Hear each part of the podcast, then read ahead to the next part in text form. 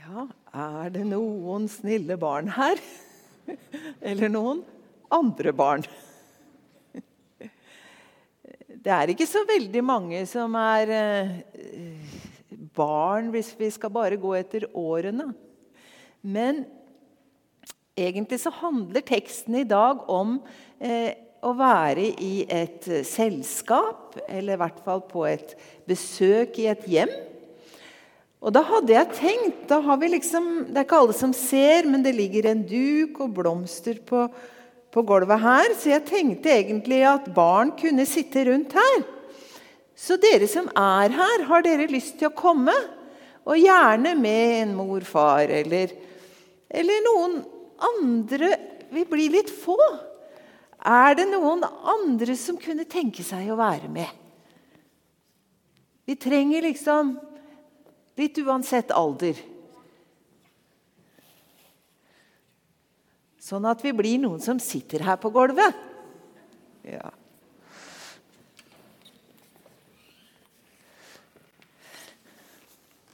Og selv om ikke alle er så nær oss som sitter rundt dette bordet, liksom, så, så er dere jo med allikevel. Dere hører vel, håper jeg?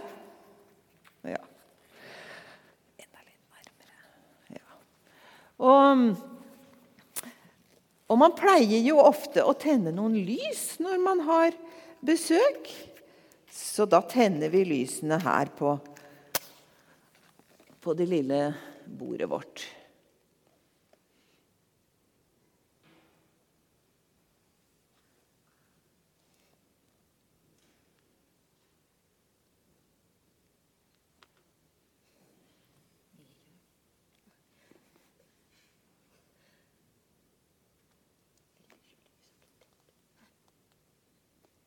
Vi se om vi klarer det til slutt.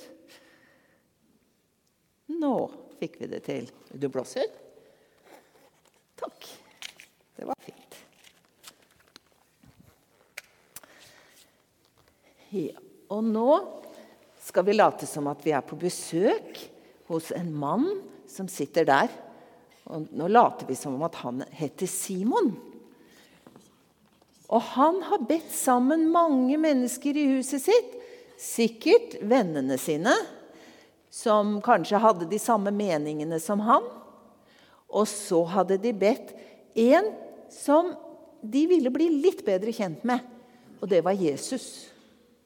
Og Jesus pleide ikke å være så veldig ofte på besøk i sånne hjem hos disse menneskene. Men han sa ja takk, og han kom på besøk.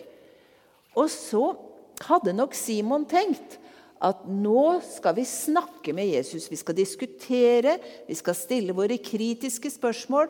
Og nå skal vi skjønne hvordan Jesus tenker. Og kanskje vi klarer å finne ut om vi skal tro på det han sier. Kan det hende at han har sendt oss fra Gud, eller er det egentlig ikke til å stole på det han sier? Så de skulle prøve å bli ordentlig kjent med Jesus gjennom å stille sine spørsmål og få klarhet i tankene sine om hvem Jesus var. Men så skjer det noe rart i det selskapet. Det kommer plutselig en ubuden gjest. Altså en som ikke var bedt. Så kommer hun, og det var en kvinne. Så kommer hun allikevel. Se der. Se der. Der kom det en kvinne. Og hun gikk ganske nær de som satt. Hun sa ingenting. Og så fant hun ut hvor Jesus var, og så gikk hun og stilte seg bak der Jesus var. Men hun sa ingenting, og alle de andre ble også helt stille. Jeg tror ingen sa noen ting. De skjønte ikke hva som skjedde. Og så så de på den kvinnen. Og hun sto der og uten å si noe. Men så merka de at det, det, skjedde noe med henne. Hun begynte å gråte. Og hun gråt og hun gråt, og tårene hennes rant ned på føttene til Jesus. Har du grått noen gang? Aldri. Vet du når jeg pleier å gråte? Jeg pleier å gråte mest hvis jeg har det vondt, hvis jeg har slått meg. Da gråter vi litt, ikke sant? Ja. Og da gråter vi. Men så har jeg lyst til å spørre Jeg tror de voksne gjør noe som barna Ja, babyer gråter mye. Ja. Men de voksne Det hender at de gråter på en litt rar måte. Ikke fordi de har det vondt, men fordi de er så veldig glad og rørt inni seg og takknemlig. Nå skal vi spørre de som sitter her. Er det noen som har grått fordi de har vært glad noen gang? Rekk opp hånda. Se på alle de. Det hender at vi gråter når vi er veldig glad og takknemlig, og når vi bærer på noe som gjør vondt inni oss. Så hun gråt, og så ble det så masse tårer på føttene til Jesus, og da begynte hun å tørke føttene til Jesus med håret sitt. Hun hadde langt hår. Hun har langt hår, og så kunne hun tørke med det håret. Og så visste hun nesten ikke hvor godt hun skulle gjøre til Jesus, så, hun, så begynte hun å kysse føttene til Jesus. Og så hadde hun faktisk med seg en liten hemmelighet når hun skulle gå. Og Hun visste at Jesus var i det huset, og hun ville møte Jesus. Og da tenkte hun jeg må ha med noe til Jesus som er veldig fint. Kanskje det beste jeg eier, og det dyreste jeg eier, det vil jeg ta med og gi til Jesus. Og hun, Det var ikke så stort, så hun hadde det inni hendene hennes. Kanskje du har lyst til å gå bort, og så har du lyst til det? Eller kanskje hun kan komme til deg, så kan du få se hva slags hemmelighet hun har inni hendene sine.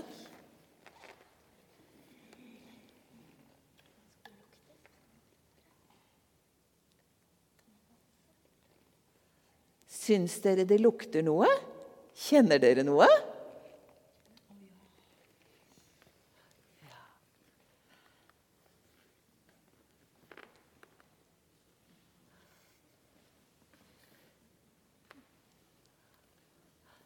Det lukta Kanskje du har lyst på Kan, kan, kan han få litt salve på handa si? Bare lite grann, hvis han har lyst? Nei, kanskje mamma har lyst?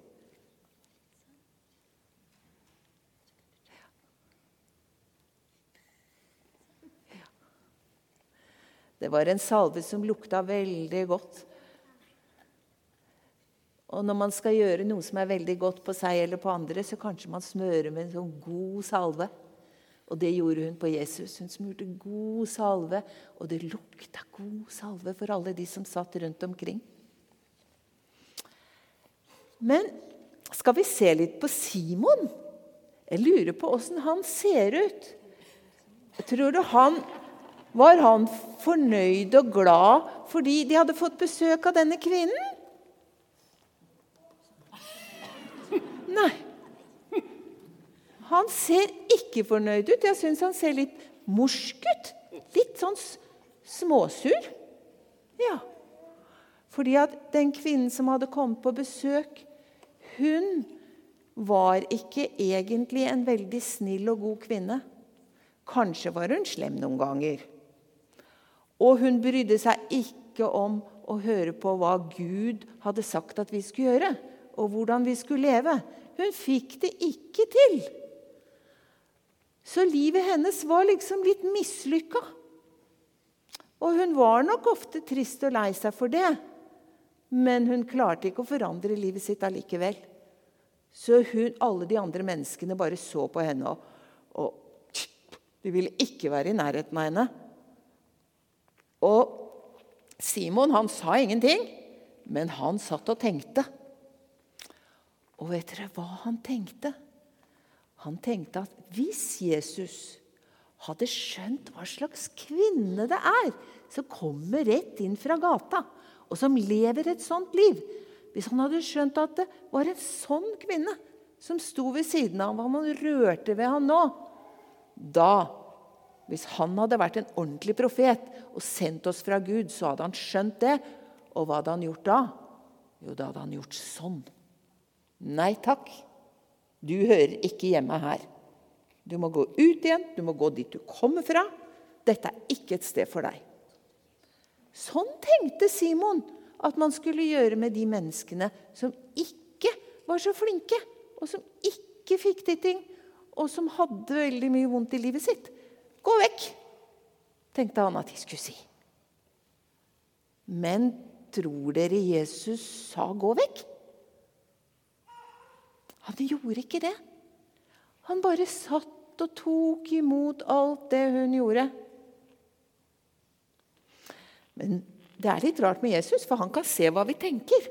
Så han skjønte hva Simon tenkte inni hodet sitt. Kanskje han så litt på uttrykket i Simons ansikt òg. Og så visste han hva Simon tenkte. Og så står det at han, han ser veldig på kvinnen og har god kontakt med kvinnen der hun er. Og så, ser, og så sier han til Simon jeg har eh, noe jeg har lyst til å si deg, Simon. Kan jeg si deg noe? Du, det var en gang to menn, og de hadde måttet låne noen penger. Den ene hadde lånt bare ti kroner, og det var ikke mye penger. Men han hadde lånt ti kroner. Den andre han hadde lånt én million kroner. Og det er mye penger, det! Den gangen så kunne man sikkert kjøpe seg et helt hus hvis man hadde en million kroner. Og så hadde de lånt dette av samme mannen. Men han som hadde lånt ti kroner, han klarte ikke å betale. Han hadde ingenting, så han kunne ikke engang betale tilbake ti kroner. Men han mannen de da hadde lånt, da, han tenkte det er ikke så farlig. Jeg tror jeg skal glemme den gjelda di. Det heter det når du skylder penger til noen, så har du gjeld. Så gikk han til den mannen og så sa han, du, jeg glemmer den gjelda. Nå går jeg og stryker den ut i boka mi, og så behøver ikke du tenke på de ti kronene noe mer. Og så etterpå så skulle han gå til han som skyldte én million kroner. Men han måtte vel betale.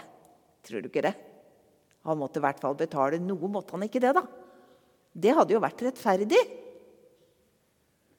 Men den mannen sier til han som skyldte en million kroner Han sa, 'Vet du, jeg ser at du kan ikke betale.' 'Jeg har bestemt meg for at jeg skal stryke ut hele den gjelda.' 'Så jeg går i boka mi. Én million kroner. Jeg stryker over det.' Så den mannen skulle slippe å betale det, og ble helt fri. Han hadde ikke noe gjeld mer. Men hvem tror du av de to mennene ble mest glad i han de hadde lånt penger av? Den som hadde fått låne én million, formoder jeg. Ja, den som hadde fått så mye tilgitt. Men se på denne kvinnen som er her nå. Vet du hvorfor hun elsker så mye og gir så mye kjærlighet gjennom tårene sine? Det er fordi hun er ettergitt så mye. Hun hadde så mye i livet sitt som ikke var bra nok. Men jeg tenkte jeg skal slutte å kreve at hun skal bli så god og få til alle ting. Så hele den gjelda som hun har, den strøk jeg ut. Og derfor er hun blitt så fylt av takknemlighet og kjærlighet. Men hvis en nesten ikke blir tilgitt noen ting, da elsker en ikke så mye heller. Og når jeg kom inn i huset ditt, sa Jesus, da ga ikke du meg noe vann så jeg kunne vaske føttene mine. Mens hun, hun vaska føttene mine med tårer. Og du ga meg ikke noe velkomstkyss. Men hun slutta ikke å kysse føttene mine.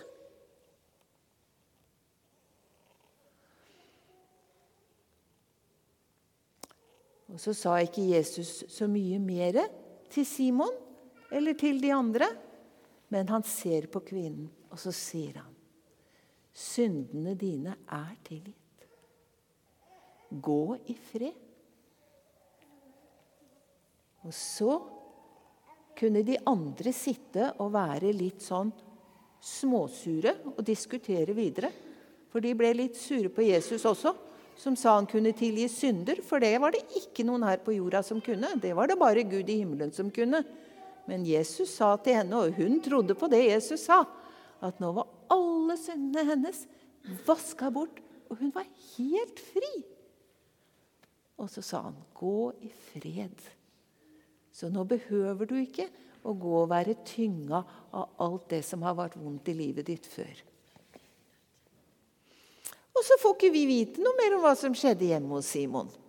Kanskje de andre diskuterte mens hun gikk hjem, men jeg tror kanskje at Simon hadde fått noe å tenke på den dagen.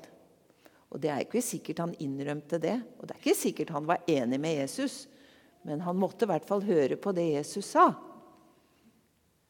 Og da er det en av gjestene våre som allerede har gått. Så da kan dere andre også få lov å gå hjem.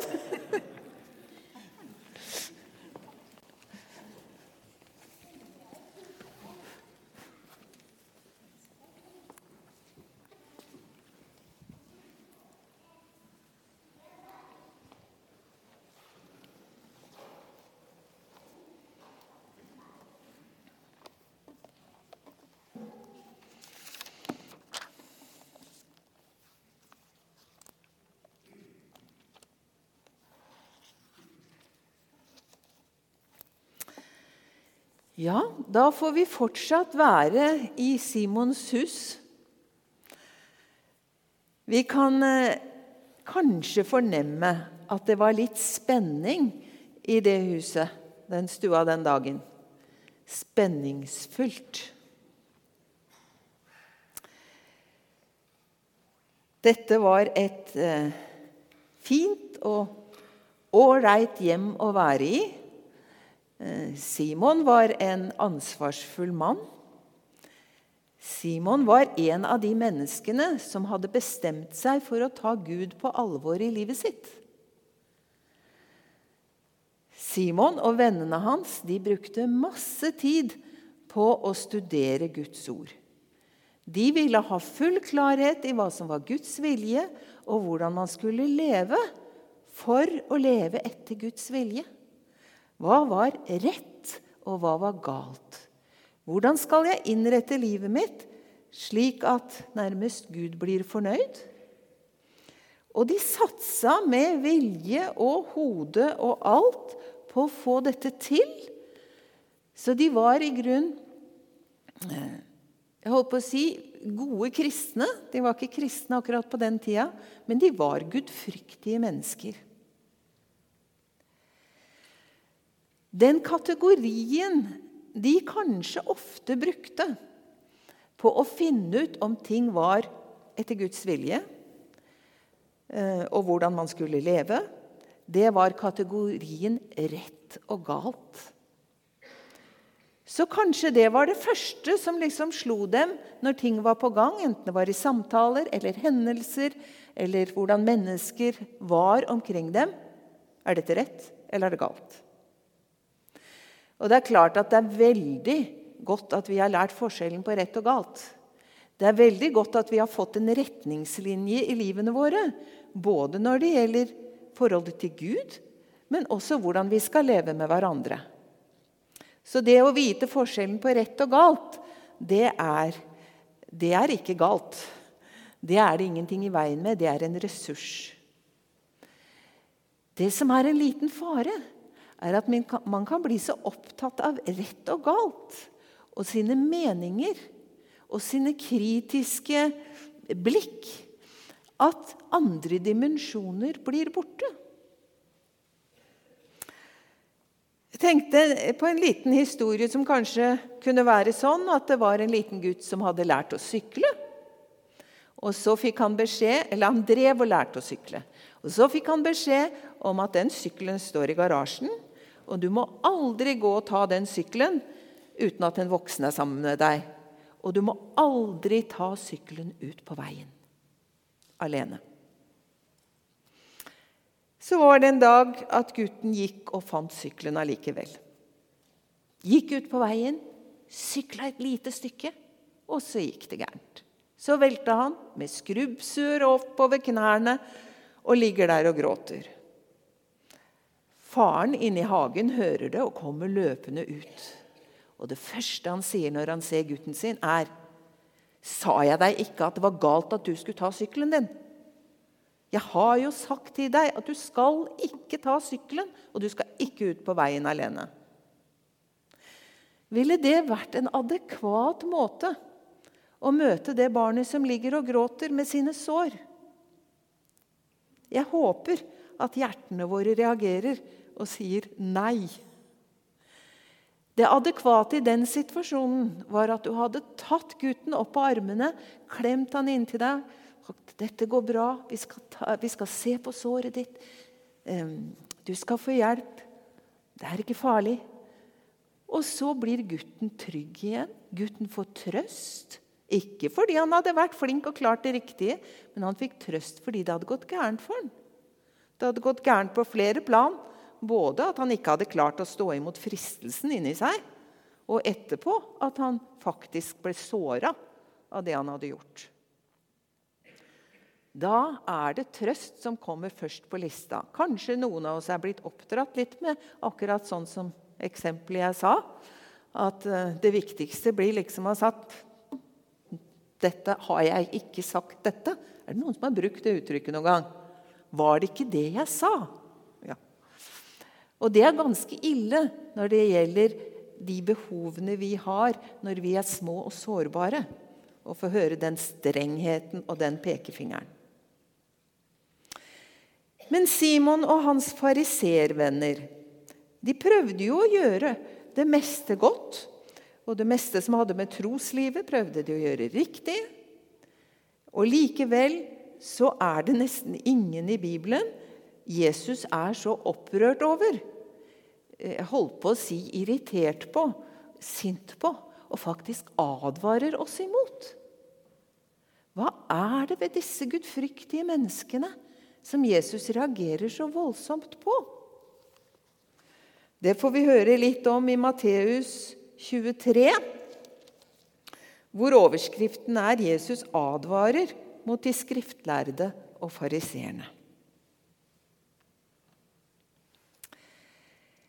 Der står det om dem at de binder tunge bører som ikke er til å bære, og legger dem på skuldrene til folk. Men selv vil de ikke løfte en finger for å flytte dem.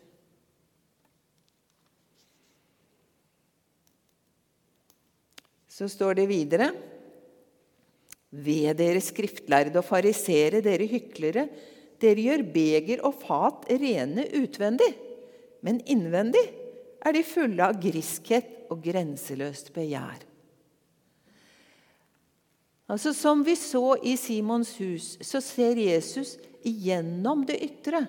Han ser hva som er bak tårene og den litt underlige måten kvinnen oppførte seg på.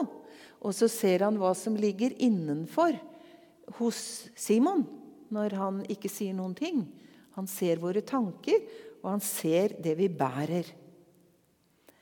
Og så ser han faktisk også at bak en noenlunde brukbar fasade, og bak det vi er vellykka i, og det vi klarer, så kan det ligge mye synd.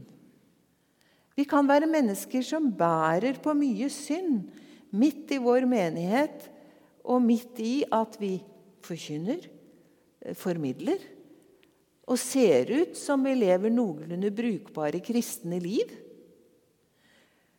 Fariseerne så sånn ut på utsida. Og så sier Jesus, men innvendig er dere fulle av griskhet og grenseløst begjær. Ulf, min mann, pleier noen ganger å si at 'jeg er ydmyk', og det er jeg stolt av. Det er noe med at vi kan ha både ydmykhet i det ytre og eh, nestekjærlighet. Vi kan være gode til ting. Og så kan vi gå med rom inni oss hvor vi skjuler. Vi skjuler forskjellige ting. Noen skjuler at de er veldig opptatt av materielle ting som de vet de kanskje ikke burde. Men det er bare så herlig å få investert i noe, eller kjøpt noe, eller fornya noe, eller hva det nå er. Og er egentlig veldig glad i de, slike prosesser. Kanskje mer glad i det men de er glad i Jesus. Eller vi kan skjule sinne, hvordan vi er på hjemmebane med ektefellen vår og overfor de andre nærmeste. Hva vi sier når vi freser og vi er misfornøyd og har en sur dag. Det er ikke sikkert det er så godt å være gift med oss alltid. Men det skjuler vi. Begjær, sto det. Det kan være seksuelt begjær.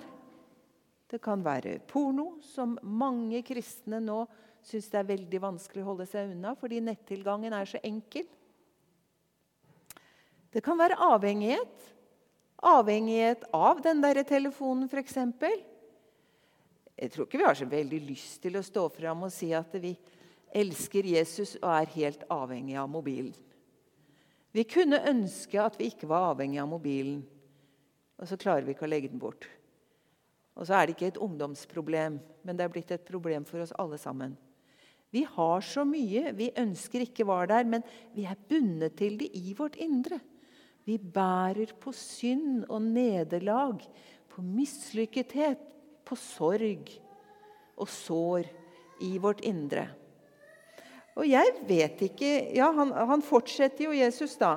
Han sier at utvendig i folks øyne ser dere rettferdige ut, men innvendig er dere fulle av hykleri og urett. Og det Jesus peker på, som disse ikke har forstått i all sin gudsfrykt, det er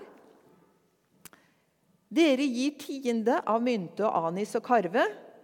Altså tiende av ulike kryddersorter, som sikkert var en regel for at de skulle, men forsømmer det som veier mer i loven rettferdighet, barmhjertighet og troskap. Altså, Vi kan gjøre det rette. Vi kan prøve å framstå som rette i håp om at andre syns vi er bra nok. Og så kan vi skjule alt det grumset i vårt eget liv slik at verken andre mennesker eller Jesus kanskje egentlig får slippe helt inn og gjøre sin tilgivende, rensende og frelsende handling der inne. Og jeg vet ikke hvordan det er i menigheten. Jeg vet ikke hvem som sitter rundt deg nå som du kjenner at du er åpen og ærlig for. Som du kan dele hvordan du har det, også om dine nederlag. Jeg vet ikke om fellesskapet er sånn at det er en trygghet hvor vi begynner å gå litt nærmere inn på livene til hverandre. Eller om vi holder samtalen gående, enten det er meningsutvekslinger eller det er om hverdagens hendelser. Og Der har vi kanskje en utfordring. At skal kjærligheten vokse, må vi komme nær hverandres såre flater. For den som er lite tilgitt, og for, for sjelden får oppleve å bli favnet av nåde, har heller ikke så stor nådesfavn overfor andre mennesker.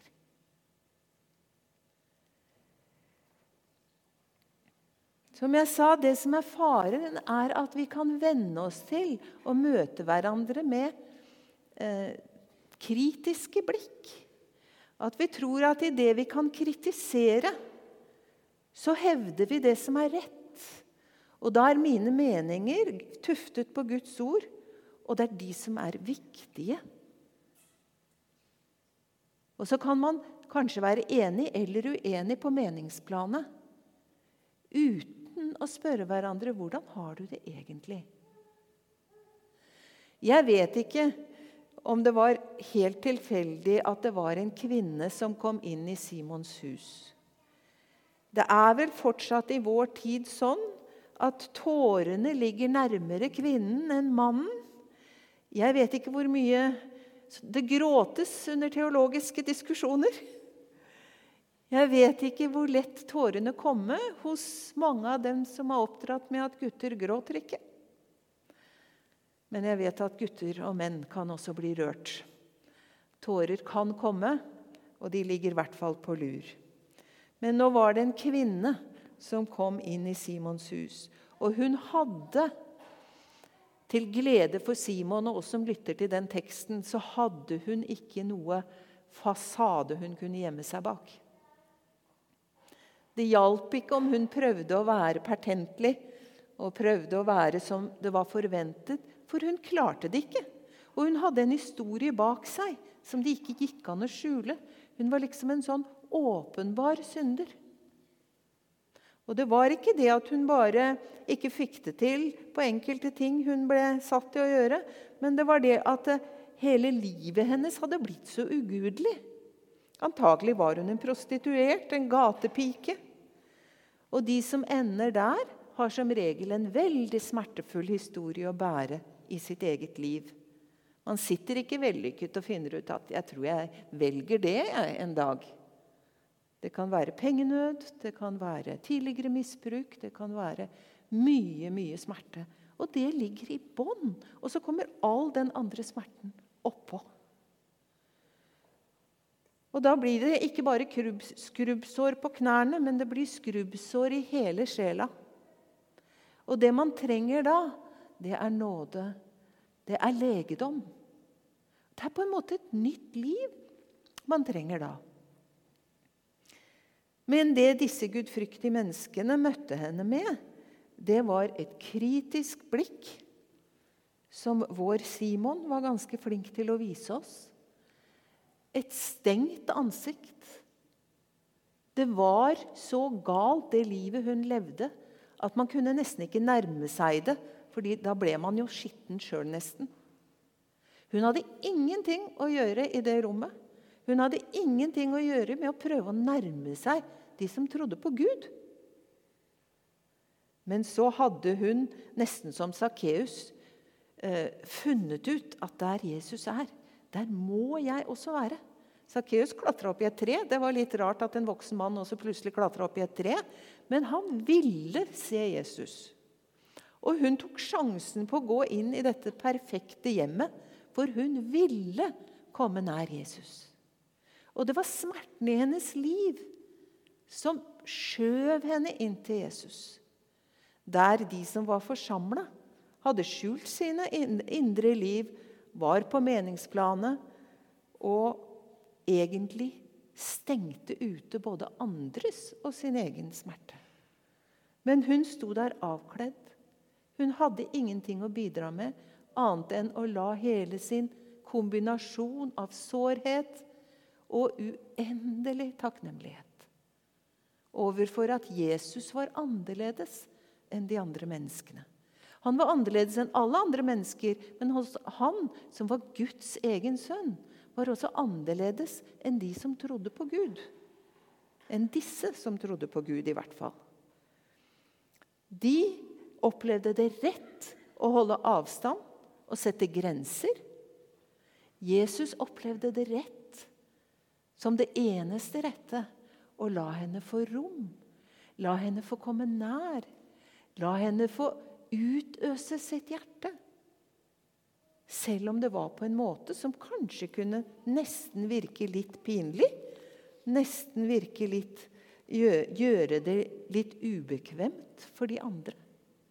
For hun var så hel, så ekte og så sårbar. Der hun takket med sine tårer.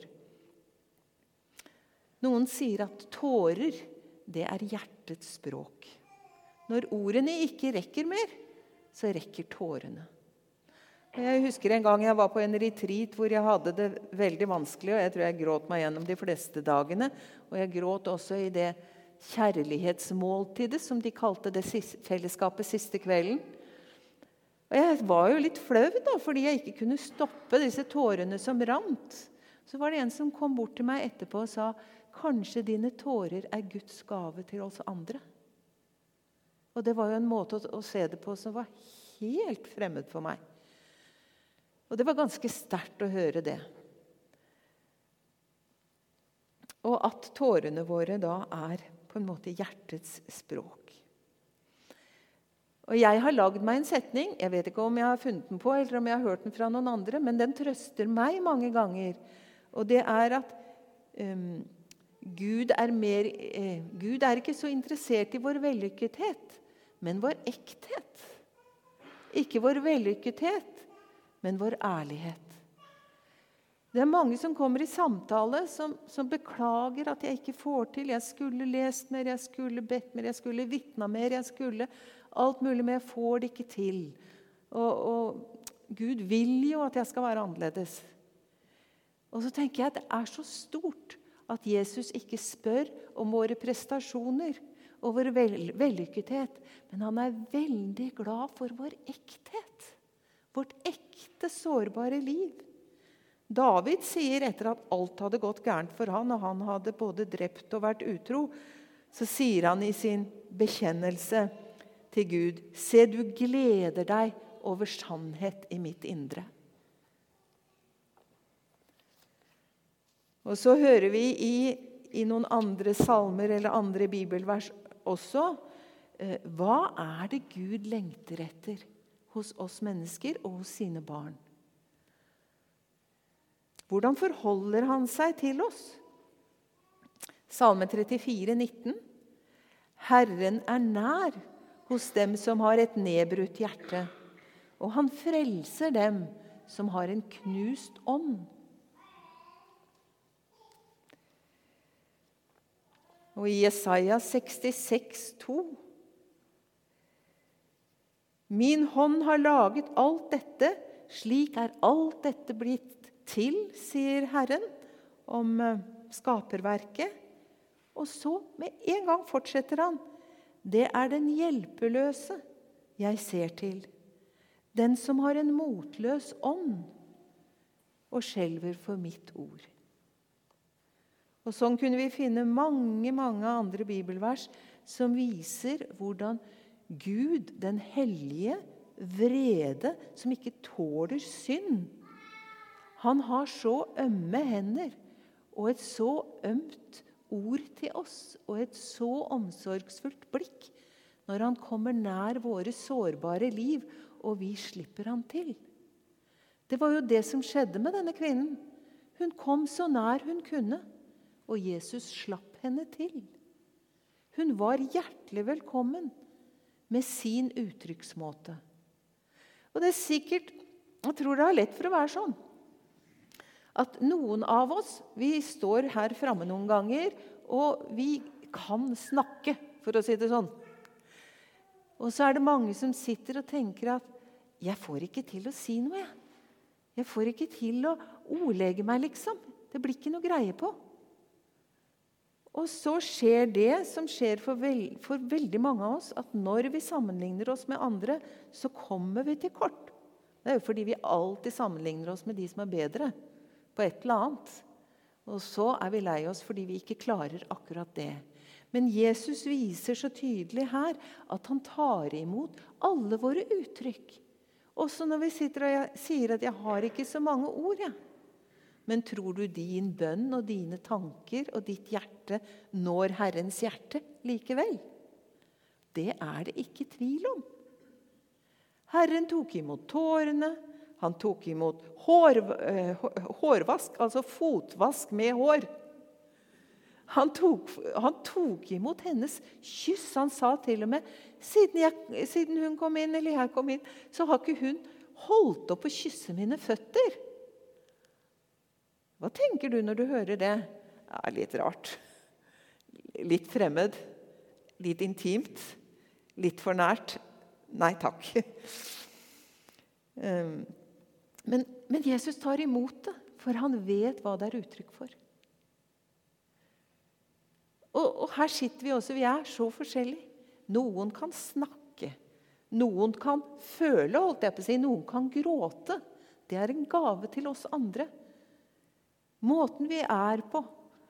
Altså fra, fra de tingene vi gjør, og til de måtene vi er på. Altså, noen ganger jeg nevnte det før på en kirkekaffe at det var et menneske jeg ikke kjente, som ved, kom bort til meg, satte seg ved siden av og smilte over hele fjeset. Og så Vedkommende sa 'Hvordan har du det?' eller hva det var. Men kom og satte seg og smilte til meg. Og jeg gikk altså med den varmen i meg i flere dager. Så det skal ikke alltid så mye til. Men, men det smilet, det blikket vårt, at vi hilser og, og tenk altså Dette er mitt hjertesak. Tenk om hele menigheten vår her vi sitter, kunne begynne å brenne av kjærlighet. Jeg kommer inn i noen menigheter jeg ikke har vært noen gang. Og jeg kjenner meg helt omslutta av kjærlighet. Og så mennesker som sier 'Ja, hvem er du? Så koselig Unnskyld meg. Så koselig å se deg. Tror ikke du har vært her før? Og så kjenner jeg meg bare så sett. Og det er en sånn varme. Og tenk om det kunne bli sånn hos oss. At vi bare gleder oss det varmt hjerte fordi jeg så deg i kirken i dag. Så godt. Da tror jeg at Guds rike begynner bare å, å blomstre. Da er det spiretid for Guds rike. Da blir det en varmestue som alle andre mennesker kan komme inn i og kjenne. Å, her var det rom for meg. Her var det godt å være.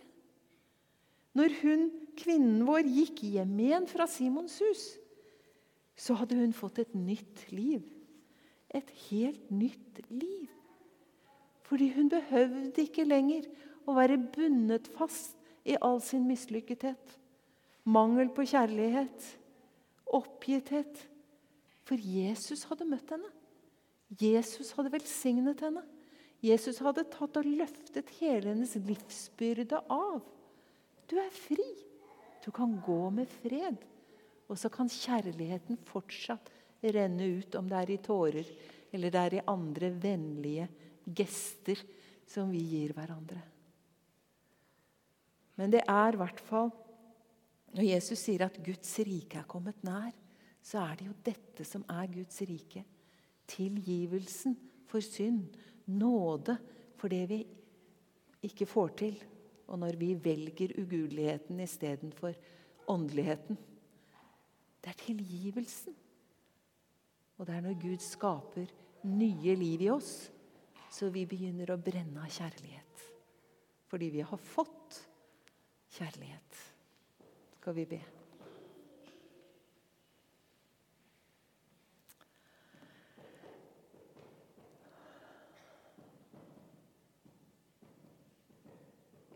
Takk for at du er kommet til vår verden med kjærligheten, Jesus.